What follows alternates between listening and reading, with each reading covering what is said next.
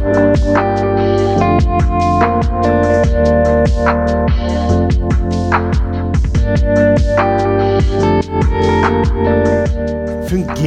barnevernsreformen? Er det på ungdommenes, eller er det på byråkratenes og byråkratiets premisser? Får ungdom på institusjon den hjelpen de faktisk trenger? Um, er det nok fagutdannede for å gi et uh, forsvarlig tilbud? Og trenger vi egentlig private for å hjelpe til i denne bransjen her? Det er jo noen som mener at man ikke trenger det. Og til slutt Rune, så skal vi snakke om et nyord som vi har lyst til å innføre. Men det er til slutt. Det tar vi til slutt. Det tar vi til slutt. Eh, for dem som ikke vet, det er mange her og mange som ser på hva barnevernsreformen er. Men kan ikke du ta kjapt hva barnevernsreformen er, eh, Rune? Oi, å ta det kjapt, eh, det blir jo en enkel øvelse. Sånn er jeg, vet du. Sånn er det. Men uh, altså, barnevernsreformen er jo egentlig det vi kan kalle en oppvekstreform. da. Altså dette med at uh, de sektorovergripende enhetene i kommunene og sånne ting i større grad skal samarbeide i oppvekstsektoren for å nettopp uh, holdt jeg på å si, gjøre oppvekstforholdene så bra at man ikke trenger spesialisttiltak, men at det skjer på forebyggende nivå. Og kommunene er jo tilført en del ressurser og en del verktøy egentlig da, for å nettopp skape et oppvekstmiljø i sin enkelte kommune hvor de tjenestene de har, skole, helsesøster, eh, pedagogisk, psykologisk tjeneste, barnevernstjeneste, alle disse tjenestene, fritidstjenester osv., skal sammen da, eh, bidra til barnets beste eh, i oppvekstsektoren, slik at man unngår kanskje f.eks. en henvisning til barnevernstjenesten eller en eh, plassering, en, eh, en omsorgsovertakelse, den type ting. Det storsamfunnet skal hjelpe barnet i den kommunen der de bor. Mm. Veldig Går det an for meg å stille spørsmål til, direkte til deg som har skoa på, for å bruke en sånn type uttrykk? da. Du er jo direktør for dette området hos Humana. Fungerer det sånn som du uh, ser det? Altså, denne oppvekstreformen, Barnevernsreformen den trådte jo kraft i, år, altså fra 1.1.22. Uh, og det er jo litt for tidlig å si det, om det fungerer eller ikke fungerer. Men jeg har jobba i barnevernet i 30, altså snart 40 år, faktisk. Og uh, det er jo sånn at det uh, har vært gjennom flere sånne typer reformer.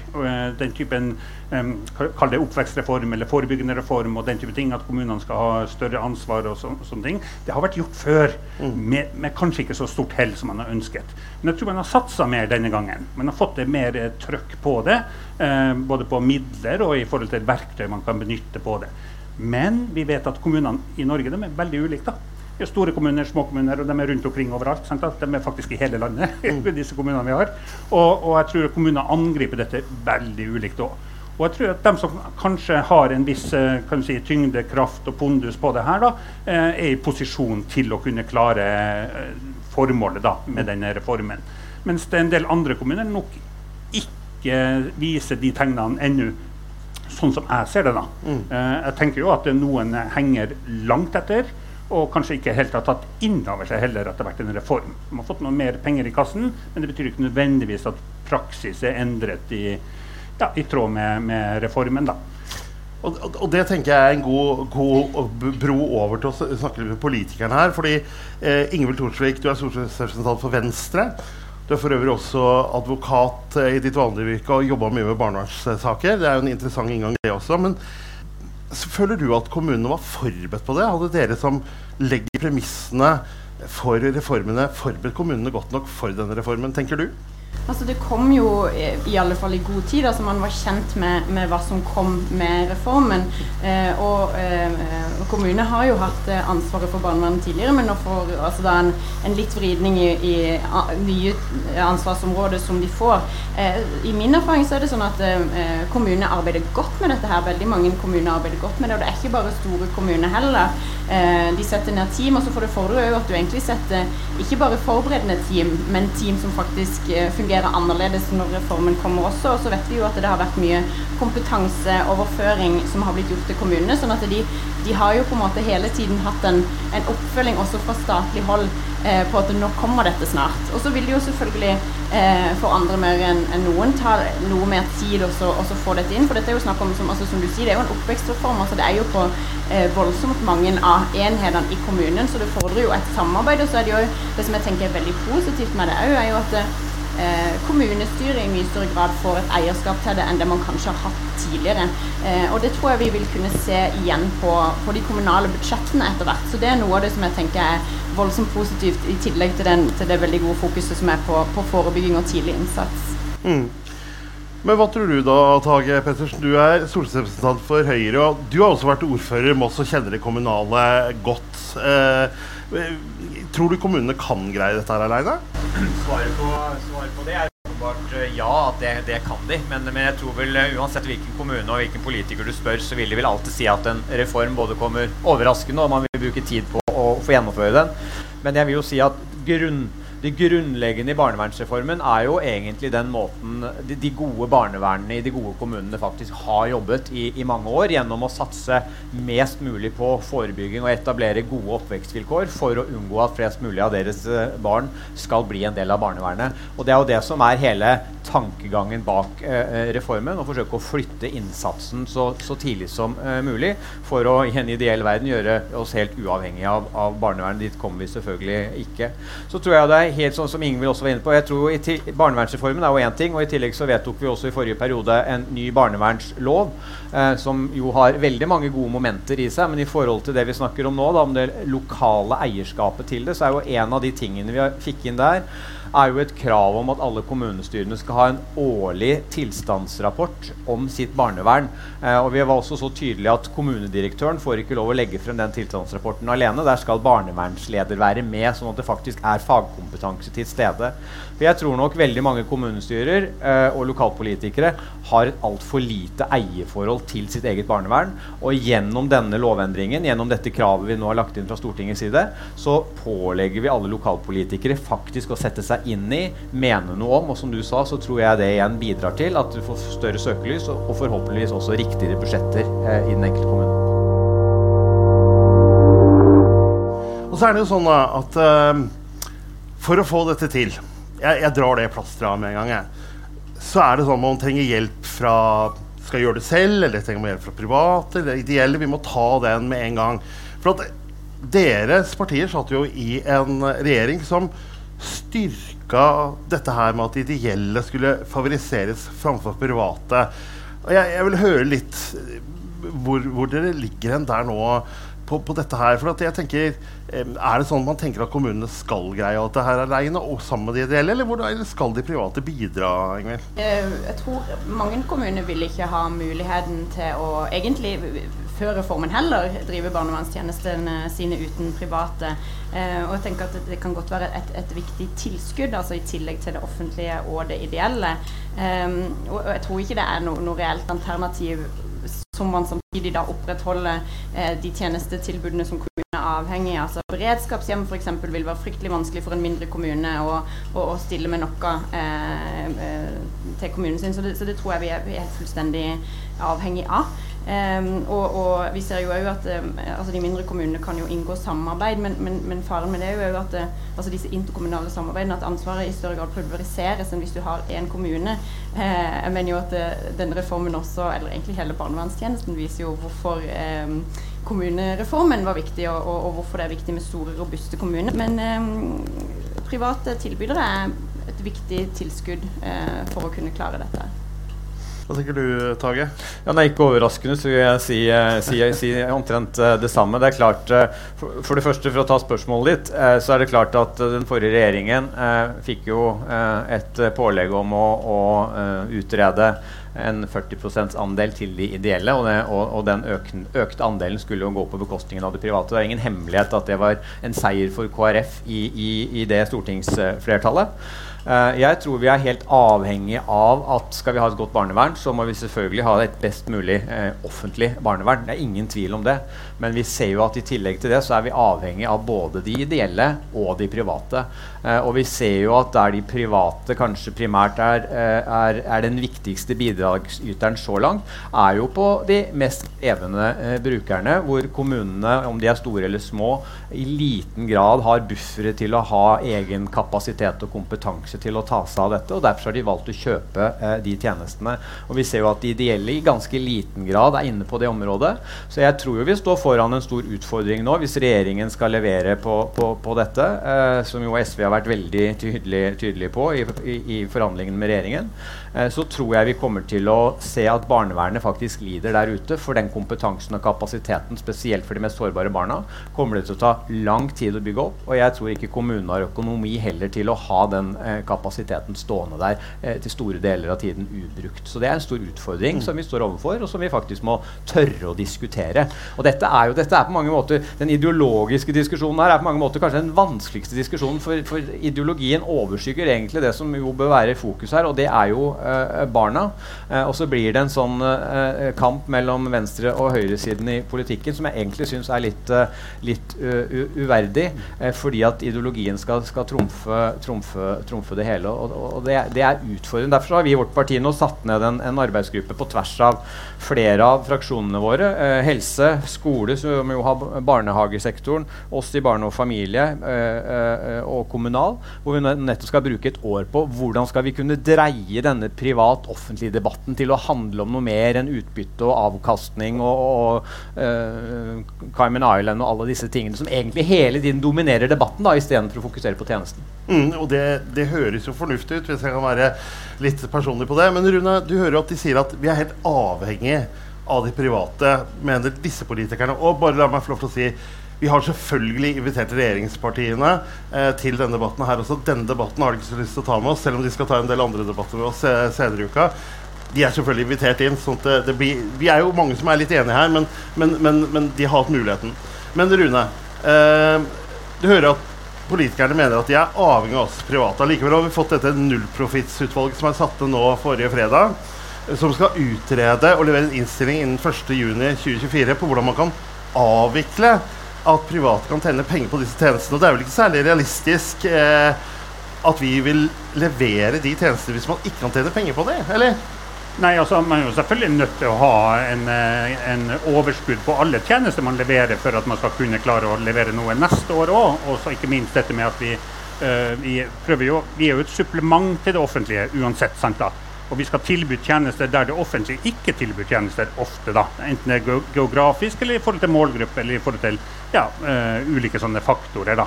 Og ikke minst dette med at vi tilbyr arbeidsplasser da, til uh, folk der de bor, uh, og oppretter da ulike tiltak i, der, der, det ikke er den konkurransen fra de offentlige da, eller ideelle. da, og og du, Man mister jo en del av dette mangfoldet hvis man skal snevre det inn til at det bare skal være én tjenesteyter eller ideelle og statlige sammen. da, eh, i den. Man mister en del av det, det, der som er fleksibiliteten i å skape noe. Og for å kunne skape noe ute i distriktene eller hvor de skulle være hen, så er du nødt til å ha ei krone på bunnlinja for nettopp å kunne starte en ny, uh, ny innsats, et nytt tiltak uh, et annet sted, da, sånn uh, geografisk, eller hva det skulle være. Så jeg tenker jo at vi er helt avhengige av hverandre. det er jo ikke sånn at vi i privat sektor ønsker å ta til oss mer fra det offentlige eller gjøre oss veldig store og, og liksom bli dominerende i markedet i det hele tatt. Eh, det er det jo ikke. Vi ønsker jo å være et supplement for nettopp å kunne tilby ungdommene det som er. Altså For de ansatte på barnevernsinstitusjoner f.eks. så tror jeg eierskapet betyr fryktelig lite. Det er ikke der interessen er. De har jo valgt et yrke for å jobbe med barn og unge i ulike sånne type livsfaser. Eh, og så hvis de i tillegg da finner de arbeidsplassene der de faktisk bor, eller har, kommer fra, eh, så er det jo en sånn tenker jeg, en sånn eh, vinn-vinn. da, altså det Vekst det skaper noe, du er nødt til å få til noe. Du, dette med at én størrelse passer alle, sånn er det ikke. Vi får til noe annet der enn vi gjør der. Og det er kanskje bra. Da er vi kanskje litt i konkurranse med oss sjøl, vi er i konkurranse med det offentlige, vi er i konkurranse med det ideelle helt supert, tenker jeg. Det er jo det som skaper dette mangfoldet som gjør at tjenestene blir bra, tenker jeg da. Men Ingvild, jeg, jeg, hører jo jeg hører jo veldig tydelig at Runar sier at hvis man tar bort profitten, så vil kanskje de private forsvinne. Og Tage sier at vi er avhengig av de private for å få dette til. Kan vi, hvis de som ønsker dette nullprofitten, får gjennomslag for, for sitt, stå overfor en krise i barnevernet, hvis jeg får lov til å være litt spissformulert? Ja, altså Hvis vi hadde tenkt situasjonen at vi i dag, altså fra i dag, hadde fjerna alle private tilbydere, så hadde vi åpenbart stått utenfor en krise, fordi det hadde ikke vært nok eh, eh voksenpersoner til å, til å, eh, arbeide med disse barna og ungdommene. Eh, og så, så, vet vi jo ennå ikke så veldig mye mer om hvordan regjeringen planlegger å, å, å gjøre dette framover. Altså er det snakk om en utfasing. Eh, hvordan skal man gjøre det? Hvordan skal man ruste opp det offentlige da, for å kunne ta over de oppgavene? Eh, sånn, at, eh, sånn som det ser ut i dag, så vil vi stå overfor en krise. Og så er det jo òg noe med, med, det som blir sagt, altså at at man fjerner en, en, en, et mangfold i tjenestene. og det ser vi altså Om det er på, på barnevernsområdet eller om det er på helseområdet, så ser vi jo at det, når vi tar vekk de private tilbyderne, så blir det mye mindre mangfold av tjenester, og det blir mye mindre egentlig rom for eh, tilpasning til den enkelte bruker og brukermedvirkning. Eh, og, og det samme gjelder jo barn og foreldre som jo skal ha medbestemmelse, selvfølgelig, selv om da f.eks. en institusjon skal, skal, ha det riktige tilbudet til barnet. Men det vil jo være vanskeligere å få tak i hvis det er sånn at en kommune har én eh, ting å tilby, så, så vil ikke det gå an. Nei. Ja, dette regner jeg med at det er ting du kan stille bak også, Tage? Ja, og, og, det litt merkelige Det litt merkelige i denne Regner litt. Det regner litt, grann, så jeg vet ikke om de hører oss bak her engang, for å være helt ærlig. Jeg håper det. Vi prøver. Noe av, det, noe av, det, litt merkelige i denne debatten i Norge er jo at jo sykere du blir, eller svakere du blir, eller mer utsatt du blir, jo likere ønsker man at behandlingstjenesten egentlig skal være. Men det er jo nettopp i de situasjonene vi er avhengig av å ha dette mangfoldet. fordi at det er kanskje det mest sårbare og mest ulike vi er i, i, i livet vårt akkurat i disse situasjonene vi har behov for disse disse tjenestene. Og så er det jo også et paradoks da, i forhold til denne overskuddsdebatten at det offentlige krever jo for å inngå en avtale med en privat leverandør for å handle med en privat leverandør, uansett om det er dagligvarer eller sengetøyvask eller, eller eh, tjenester for mennesker, at det skal være en soliditet i bedriften. At man faktisk skal vise at man har eh, en, en, en, drift som gjør at man har en forutsigbarhet også fremover i tid. Da krever man jo at det skal være en viss overskudd i disse eh, bedriftene. Så på den ene siden ideologisk så sier man at overskudd er fy, og på den andre siden så sier vi at skal vi inngå en avtale med deg, så må du faktisk være solid nok til at vi kan inngå den avtalen. Og så syns jeg også dette byperiferi-elementet også er viktig. For hvis vi ser hvor andelen er størst av de kommunene som bruker ideelle og private, så er jo det nettopp i distriktskommunene. Fordi at de kanskje er de som ikke har kapasitet eller kompetanse eller befolkningsgrunnlag til å etablere de tjenestene selv. Mm. Eh, bare lyst til å spørre deg også, Tage, som har vært med en stund. Denne utredningen har jo på mange måter vært gjort i Sverige. Gjennom Repal-utvalget, som det heter. Er du overrasket over at man ikke skjeler mer til det i den norske debatten? Ja, åpenbart. Og jeg vil jo si at norsk og svensk sosialdemokrati er jo to helt ulike sosialdemokratier når det gjelder denne debatten. For i Sverige har man jo i årtier eh, hatt eh, store private innslag både i skoleverk og i helsevesen og rekke av velferdstjenestene våre, mens man i Norge har valgt å gå i helt motsatt eh, retning. Så, så, min oppfordring vil jo være å be det største regjeringspartiet se mer til sine svenske kollegaer. Mm. Takk for at du tok den. Vi hadde ikke avtalt den, men den hadde jeg lyst til at han skulle si. Vi skal gå videre. Vi skal snakke fortsatt litt mer om organisering. For at det du, Rune, du har snakka litt med meg om, det er at du eh, Det er jo veldig mange eh, vesen, la meg kalle det det, som er, er involvert i barnevernet, eh, sånn som det er nå. Eh, og jeg har lyst til å bare stille deg direkte spørsmålet. Er det sånn, driver vi egentlig, Har vi organisert oss litt bort? Ja, altså Jeg kommer jo til den slutninga, da. Men eh, hvis vi tar det litt sånn tilbake i tid eh, 10-20 år så har vi jo hatt en profesjonalisering innenfor tiltaksbarnevernet, også den kommunale barnevernstjenesten, som har vært veldig mye bra. Sant? Både på fag, på forskning, på de ulike typer tiltak, og ikke minst på innsatsmidlene, altså penger, da, eh, som følger med det her. Eh, samtidig så har man jo organisert barnevernet eh, veldig komplisert. Og når jeg snakker med mine svenske kolleger, så er det jo av og til sånn at de eh, nesten ikke tror på at vi har organisert oss på den måten. da, Fordi at de synes det virker veldig komplisert. Eh, og det er jo fordi at vi har jo En ting er det kommunale barnevernet, som favner alle sammen. Eh, alle barn og unge. Eh, og så har vi jo dette som er eh, BUF-direktoratet, som både er sånn eh, lovfortolker den type ting, men som også styrer BUF-etater. Og Bufetat alene har jo f.eks. dette som er inntaksenhetene sine. Uh, og de har også disse støttetjenestene som heter EIS, altså Enhet for inntaksstøtte. Og de har NABE, som driver med kartlegging. Og de har en godkjenningsenhet som heter BEG, altså Bufetats enhet for godkjenning. Og alle disse her mener jo at de skal ha eh, en del av kaka, en del av oss, da, eh, vårt fokus og oppmerksomhet. Eh, og, og eh, kan du si ofte litt sånn krevende byråkratisk da, mm. i, i, forhold til den ting som skal skje. Og I tillegg så har man jo statsforvaltningen som en tilsynsmyndighet. sant da, Uh, og, og, for så vidt også andre tilsynsmyndigheter som skal inn og, og, se på tiltakene våre. Da. Og i summen av det her er jo at vi, um, vi, bruker veldig mye ressurser på å uh, serve byråkratiet vårt. Mm. og, og det, det, er faktisk kommet til et sånn steg da, at jeg tenker at vi bruker uforholdsmessig mye tid på å svare opp de ulike enhetene, selv om det er innenfor samme enhet på de samme spørsmålene, bare med litt forskjellige innfall. Slik at du til stadighet må eh, gå gjennom alt du har for å kunne klare å levere da, det, det, som man ønsker. Så jeg mener jo at vi har eh, organisert oss eh, tungt, eh, tungvint. Eh, og at jeg mener at det kunne være med fordel hatt også en sånn eh, organiseringsreform knytta til barnevernet, og, og, kanskje gjort litt mer strømlinjeforma og enklere, da.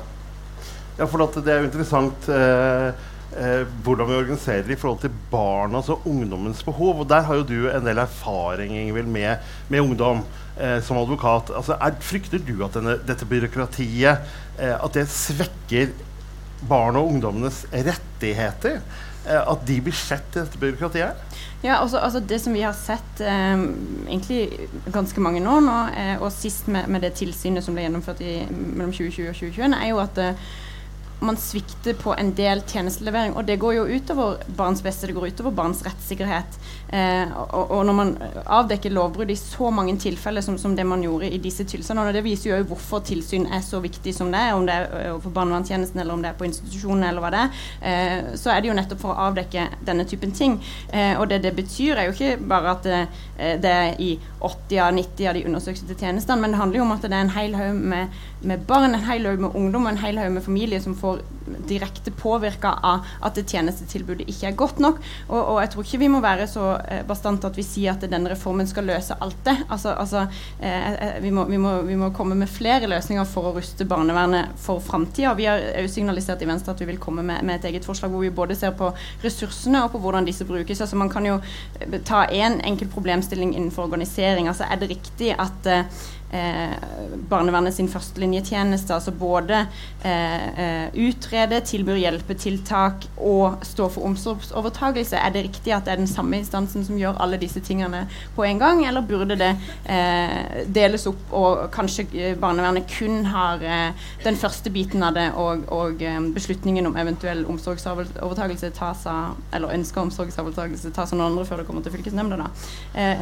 Og, og, det som er i min erfaring jeg har sett er jo at det, det varierer òg altså nå har jeg, Det er ikke sånn at jeg bare har jobba med, med, barnevern på Sørlandet. Eh, det varierer veldig fra sted til sted. altså Hvor mye fokus er det på, eh, på barnets medbestemmelse, familiens medbestemmelse.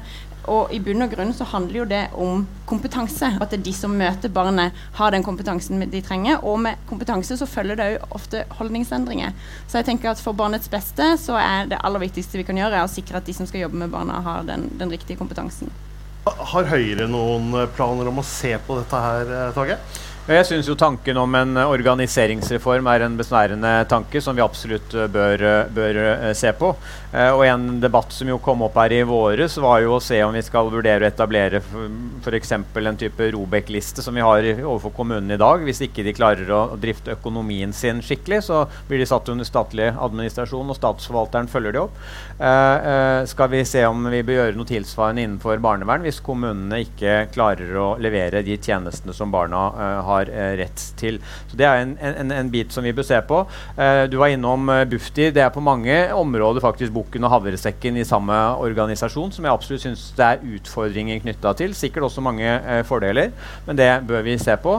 men jeg har ikke lyst til og jeg vil være tydelig på det, ikke lyst til å gå på akkord med, med, med tilsynsordninger. Vi må gjerne se på hvordan tilsynene gjennomføres, men skal vi, som Høyre ønsker, ha et barnevern med stort mangfold av tilbydere, så må vi også sørge for at vi har tilsynsorganer som er gode, og sørge for at man kikker de i kortene, og sørge for at tjenestene som tilbys barn og unge, faktisk er gode eh, der, eh, der uh, ute. Til, til dette med en, en Robek-liste for barnevernet. For det kan jo høres ut som det er en veldig sånn å, nå skal vi overkjøre kommunene og ta over statlig ansvar. Men det er jo ikke det det handler om. Men det handler jo om at staten har en plikt til at barn skal leve trygge og gode liv. Eh, og det man i, i, i, realiteten gjør, er jo å ansvarliggjøre staten, altså ansvarliggjøre statsråden i de tilfellene hvor kommunene ikke eh, får fulgt opp sitt tjenestetilbud eh, på en god nok måte. Så det er bare en liksom viktig, viktig, ting å si når vi snakker om disse Robek-listene, at, eh, at, det handler om ansvarliggjøring også av, av staten. Hmm. Høres dette fornuftig ut, Rune? Ja, i høyeste grad. Det syns jeg absolutt. Det er ingen som eh, tenker noe sånn uh, motstridende på det. da bare lyst til å nevne det med bukken og havresekken som du var inne på. da, altså det, eh, vi har jo, altså Statsforvalteren er jo tilsynsmyndighet, mens eh, Bufetat sin enhet for godkjenning er jo det som er godkjenningsmyndighet.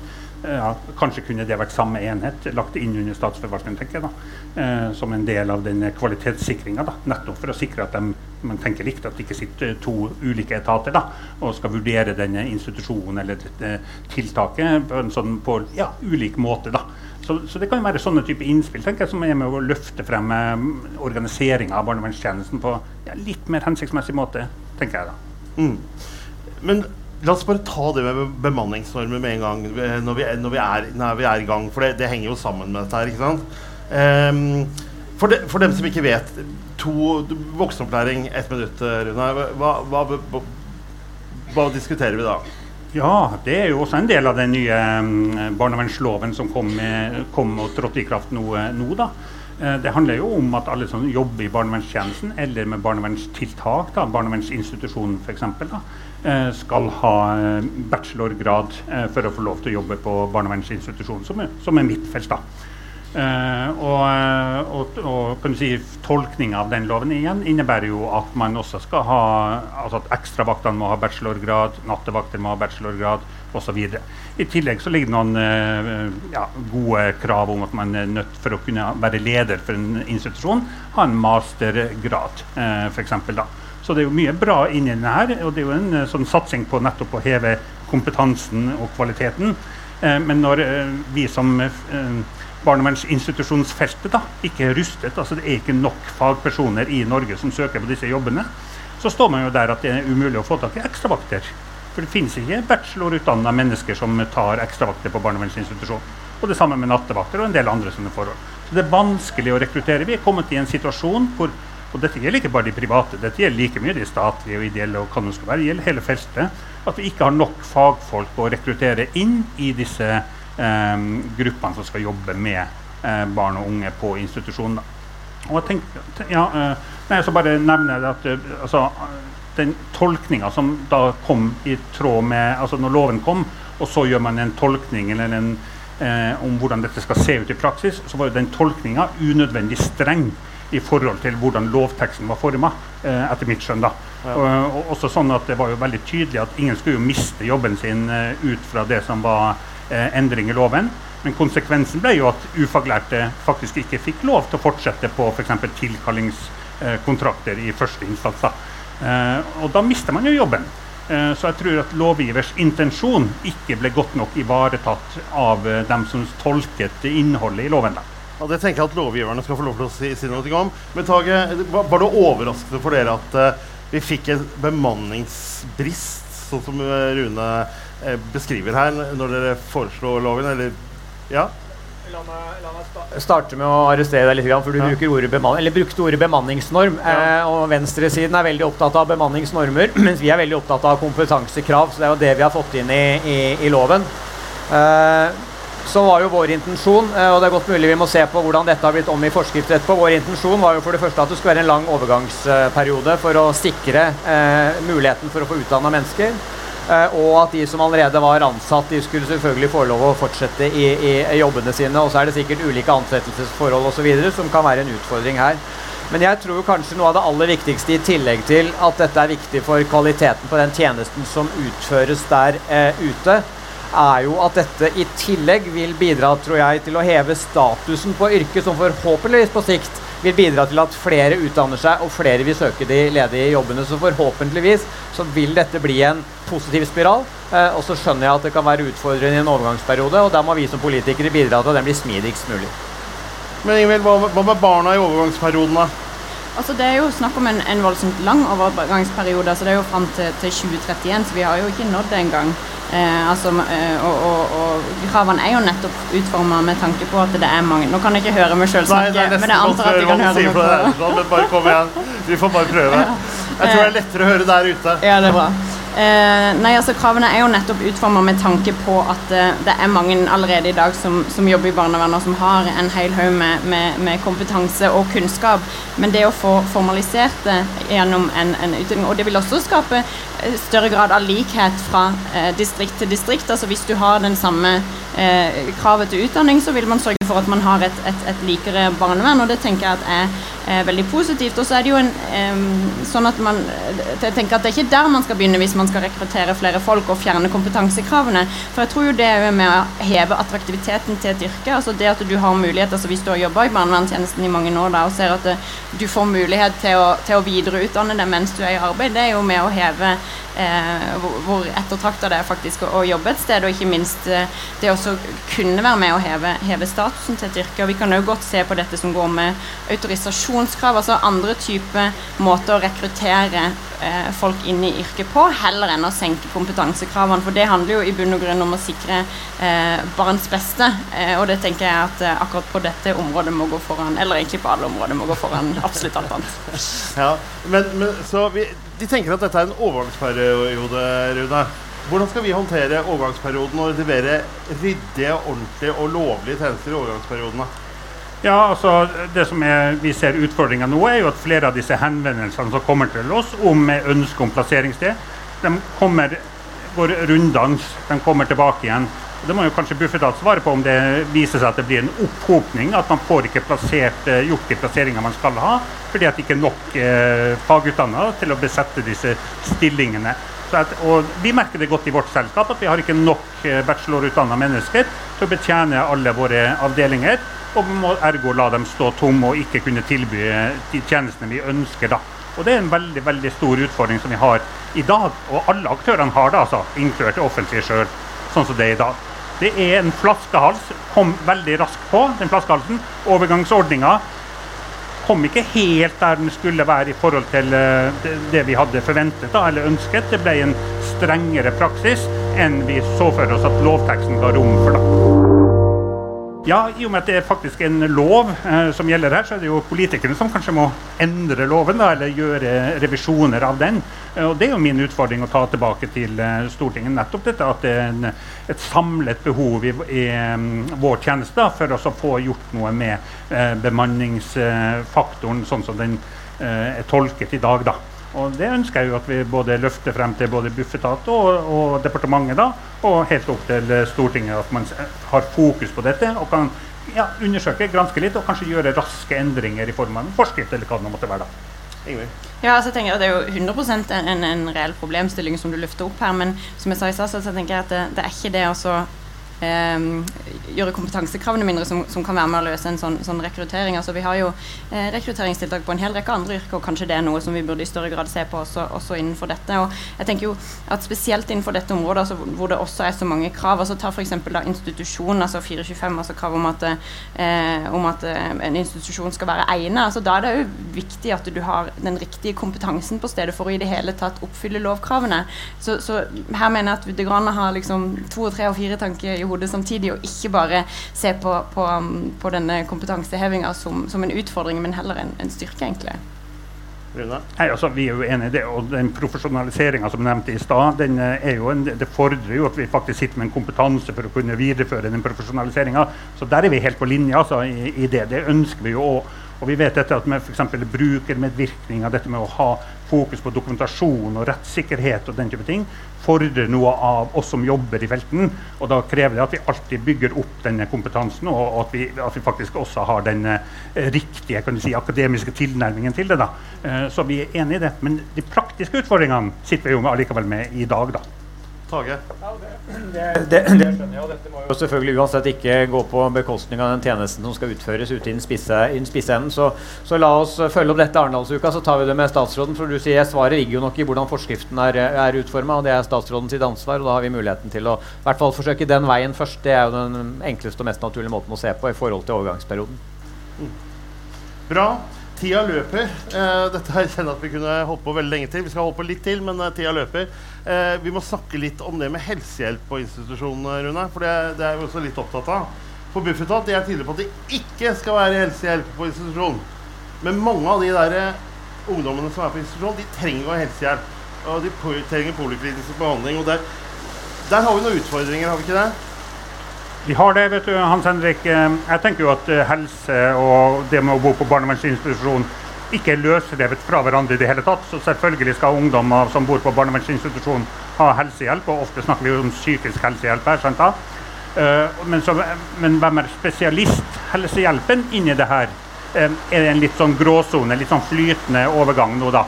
Hvor det forventes at tjenestene ofte skal levere eh, innafor psykisk helsehjelp, da men spesialistkompetansen sitter jo i helsetjenesten eh, på dette. Og så blir vi dratt litt mellom da, disse forventningene. For vi ser jo barnet, og vi ser jo ungdommen, og vi ser jo hvilke behov man har. Og vi står litt og stanger i forhold til hvilken hjelp skal denne unge ha. da. Eh, når vi vet at det er køer i psykisk helsevern. Og alle skal ikke inn heller i spesialisthelsetjenesten. Men hvordan kan vi gjøre da slik at disse unge som bor hos oss, får hjelp til å mestre eget liv inne på institusjonen? Med enkle virkemiddel, gjennom god omsorg, gjennom treninger etc. Som gjør, men da må vi ha noen knagger, da, og vi er nødt til å samarbeide med spesialisthelsetjenesten for nettopp å gjøre eh, og, finne de riktige knaggene da, som vi kan benytte inne på institusjonen. For kompetansen sitter i spesialisthelsetjenesten. Vi sitter i praksis og skal hjelpe disse unge, også med den psykiske helsen. Mm. Ingvild, har, har, har, disse ungdommene her bare fått mellom alle mulige stoler i, da, eh, siden vi ikke har en ordentlig ordning for dette her? Ja, eh, altså um, Dette har vi jo også, også, forskning som viser. altså Fra 2015 så er det en undersøkelse som viste at 76% av alle barn i barnevernsinstitusjoner hadde ulike former for sammensatte psykiske problemer, mens kun 38% av de fikk faglig hjelp. Eh, og, og, det er jo på en måte et bilde på de utfordringene som vi står overfor. altså at eh, Man ser på det som du sier da, som to stoler, at, at det er delt istedenfor at det er sammensatt. Um, og um, en, måte å, å, å, en av måtene å være med å løse det på, er jo å, foreta en tverrfaglig kartlegging av også helsetilstandene av barn som da blir eh, eh, omsorgsovertatt, eller barn som blir overtatt omsorgen for. Eh, og, og, det er jo noe som også er utprøving i gang på. Eh, så det tenker jeg er en viktig ting. Men en annen viktig side av det er jo at eh, vi har jo altfor få egentlig helse Altså stedet som tilbyr helse, altså døgnplassbehandling eh, for barn og ungdom innenfor en rekke områder som kommer til psykisk helse, og da egentlig på spesielt på rusfeltet. Eh, jeg syns jo det er spesielt påfallende å tenke på altså eh, vedtak fatta etter 424, da, og spesielt med tanke på rus, eh, at eh, i utgangspunktet i mange av de tilfellene, og dere har jo snakka med, med, flere personer som, som arbeider i barnevernstjenesten om, at i flere av de tilfellene så var det sånn at det det barnet eller ungdommen egentlig hadde trengt, det var en behandlingsinstitusjon, en døgnplassbehandlingsinstitusjon. Og så i stedet så blir det fatta et vedtak om omsorgsovertagelse, sånn at dette barnet eller ungdommen kan iallfall få noe hjelp, selv om ikke det nødvendigvis er den riktige hjelpen. Og sånn kan vi faktisk ikke ha det. Eh, og, og, da går vi igjen, altså, som vi var litt inne på i stad, altså dette med helsetilbudet igjen problemet med å ta vekk de private tilbudene innenfor helse, er at eh, disse institusjonene er så spisse at det vil ikke være sånn at det offentlige vil kunne ha disse overalt i hele landet. Og for barn så er det jo spesielt viktig å kunne f.eks.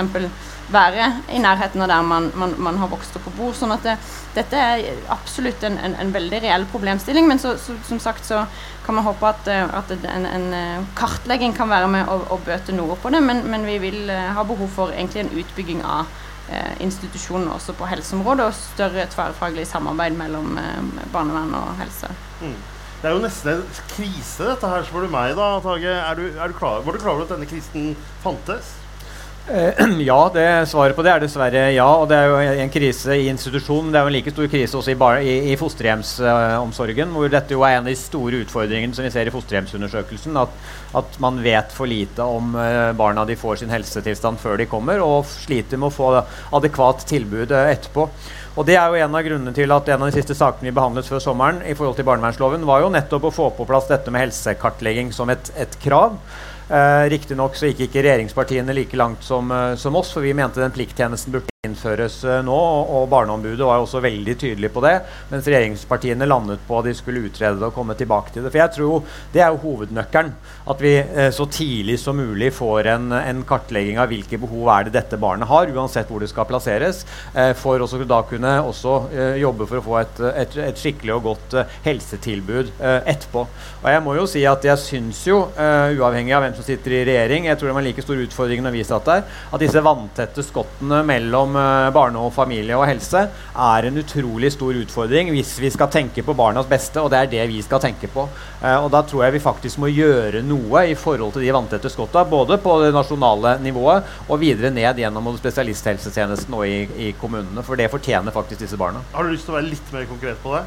Ja, jeg tror det er litt vanskelig for meg, og uten at jeg skal øh, holdt på å si, ha en dialog med mine helsekollegaer, for å si det, å si det sånn. Så jeg, skal, jeg har verken mandat eller myndighet til å love noe på dette området, men det er åpenbart et område som vi må nødt til å øh, ta tak i. For vi ser jo at stadig flere av de situasjonene som kommer frem i, i media og andre steder, og det er helt sikkert bare toppen av isfjellet, handler jo nettopp om at disse barna ikke har fått et godt nok helsetilbud, og veldig mange av det er jo innenfor psykisk, øh, psykisk helse. Og sånn kan vi ikke fortsette.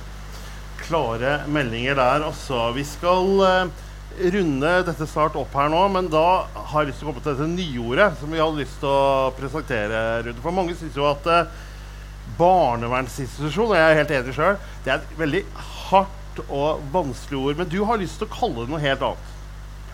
Uh, det er jo ikke ferdig spikra, for så vidt, men det handler med, med bakgrunn i at de ungdommene som bor på barnevernsinstitusjon i dag, har ofte komplekse vansker. Det skjønner vi alle sammen. Det er en grunn til at de bor der. De har en ballast, de har noen traumer, de kan ha uh, ulike ting rundt uh, oppvekst eller forholdene i familie eller hva det skal være, som gjør at man til slutt kommer på barnevernsinstitusjonen. Og der fosterhjem f.eks. ikke har uh, nytta, da, eller vært for krevende for fosterhjem. Så, sånn sett kan du si at de fleste ungdommer som kommer på institusjon, er nokså krevende.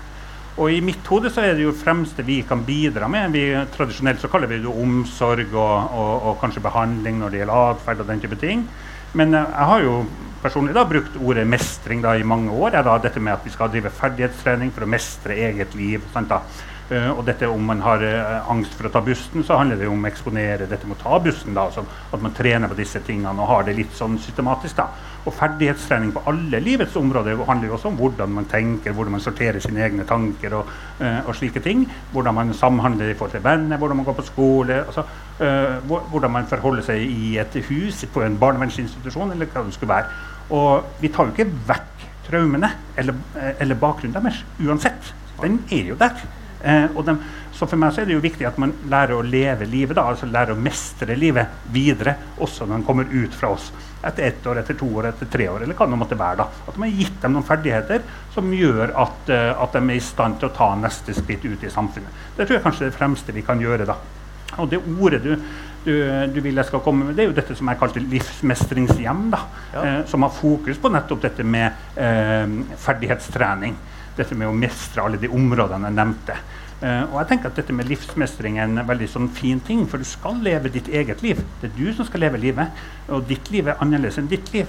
Uh, og da må du kanskje ha ulike typer ferdigheter eller um, egenskaper da, som du må trene på. da. Uh, og sånn er det at vi kan ikke, alle, alle passer ikke inn i samme hanske. da. Og vi er nødt til å skape dette mangfoldet, vi er nødt til å skape denne livsmestringa til den enkelte ungdommen. Og det gjøres jo nettopp ved at vi eh, sammen med den unge sjøl, sammen med familie og sånne ting, og gjerne med helsevesenet òg, altså, eh, identifisere liksom, hvilke områder vi trenger å trene på her. da. Og da kommer jo helsekartlegginga til god hjelp i forhold til det, f.eks. Fordi at Man kan jo også bomme på det her, hva man trener på i forhold til hvilken bakgrunn man har. F.eks. kan jo traumer være faktisk til hinder for å trene på enkelte områder. Skjønt. Så vi er nødt til å samarbeide, vi er nødt til å bygge ned disse skottene da, eh, litt opp mot helsevesenet. Og ha felles fokus på dette med livsmestring, mestre eget liv. Helsevesen. BUP har jo hatt det i mange år, dem. Eh, dette med å ha fokus på mestring. Skjønt, da. Mens barnevernsinstitusjonene kanskje ikke har hatt det akkurat på samme måten. da. Eh, tenker jeg da. Så livsmestring er det ordet jeg ønsker å få, få løfta litt frem. da. Livsmestringshjem, Tage? Uh, full applaus. Jeg har vært fosterhjem. Jeg skulle gjerne da vært livsmestringshjem i, i, i, stedet, altså stedet. Og jeg tror jo jeg tror begrepene her faktisk er viktig, for de stigmatiserer jo i veldig stor grad. Og, og, derfor, noen lo jo av oss når vi i barnevernsloven sa at vi må komme tilbake med andre navn på flere Altså atferdsinstitusjon. Uh, nå har jo Kjersti Toppe heldigvis uh, gjort det, og jeg tror det, det, det, er sikkert små ting for mange, men for andre så kan det bety veldig mye. Og jeg tror det du er inne på her, er utrolig viktig. Så full applaus. Ingvild, du også? Ja, støttes 100 og jeg tror jo generelt at vi må være flinkere på, på hvordan vi ordlegger oss, mm. spesielt når vi snakker om, om, barn og unge. For det, det, er en tendens til at man ofte, ofte snakker om barn og ungdom Altså de blir objekt i setninga istedenfor subjektet. Eh, altså at du sier eh, barnet blir eh, omsorgsovertatt istedenfor at barnet flytte det, f.eks. At, at, at, man, at det er en, en, en, bevissthet som vi alle må ha. Jeg prøver å gjøre det sjøl og håper at, at jeg får det til til en viss grad. Og oppfordrer egentlig alle til å, å gjøre det samme. Du har hørt en podkast fra Humana Innsikt. Besøk gjerne vår nettside humananorge.no, eller følg oss på sosiale medier ved å søke opp Humana omsorg og assistanse. Ansvarlig redaktør for podkasten er marked- og kommunikasjonsdirektør Hans Henrik Sørensen. Likte du det du hørte, er det hyggelig om du anbefaler podkastene videre til andre.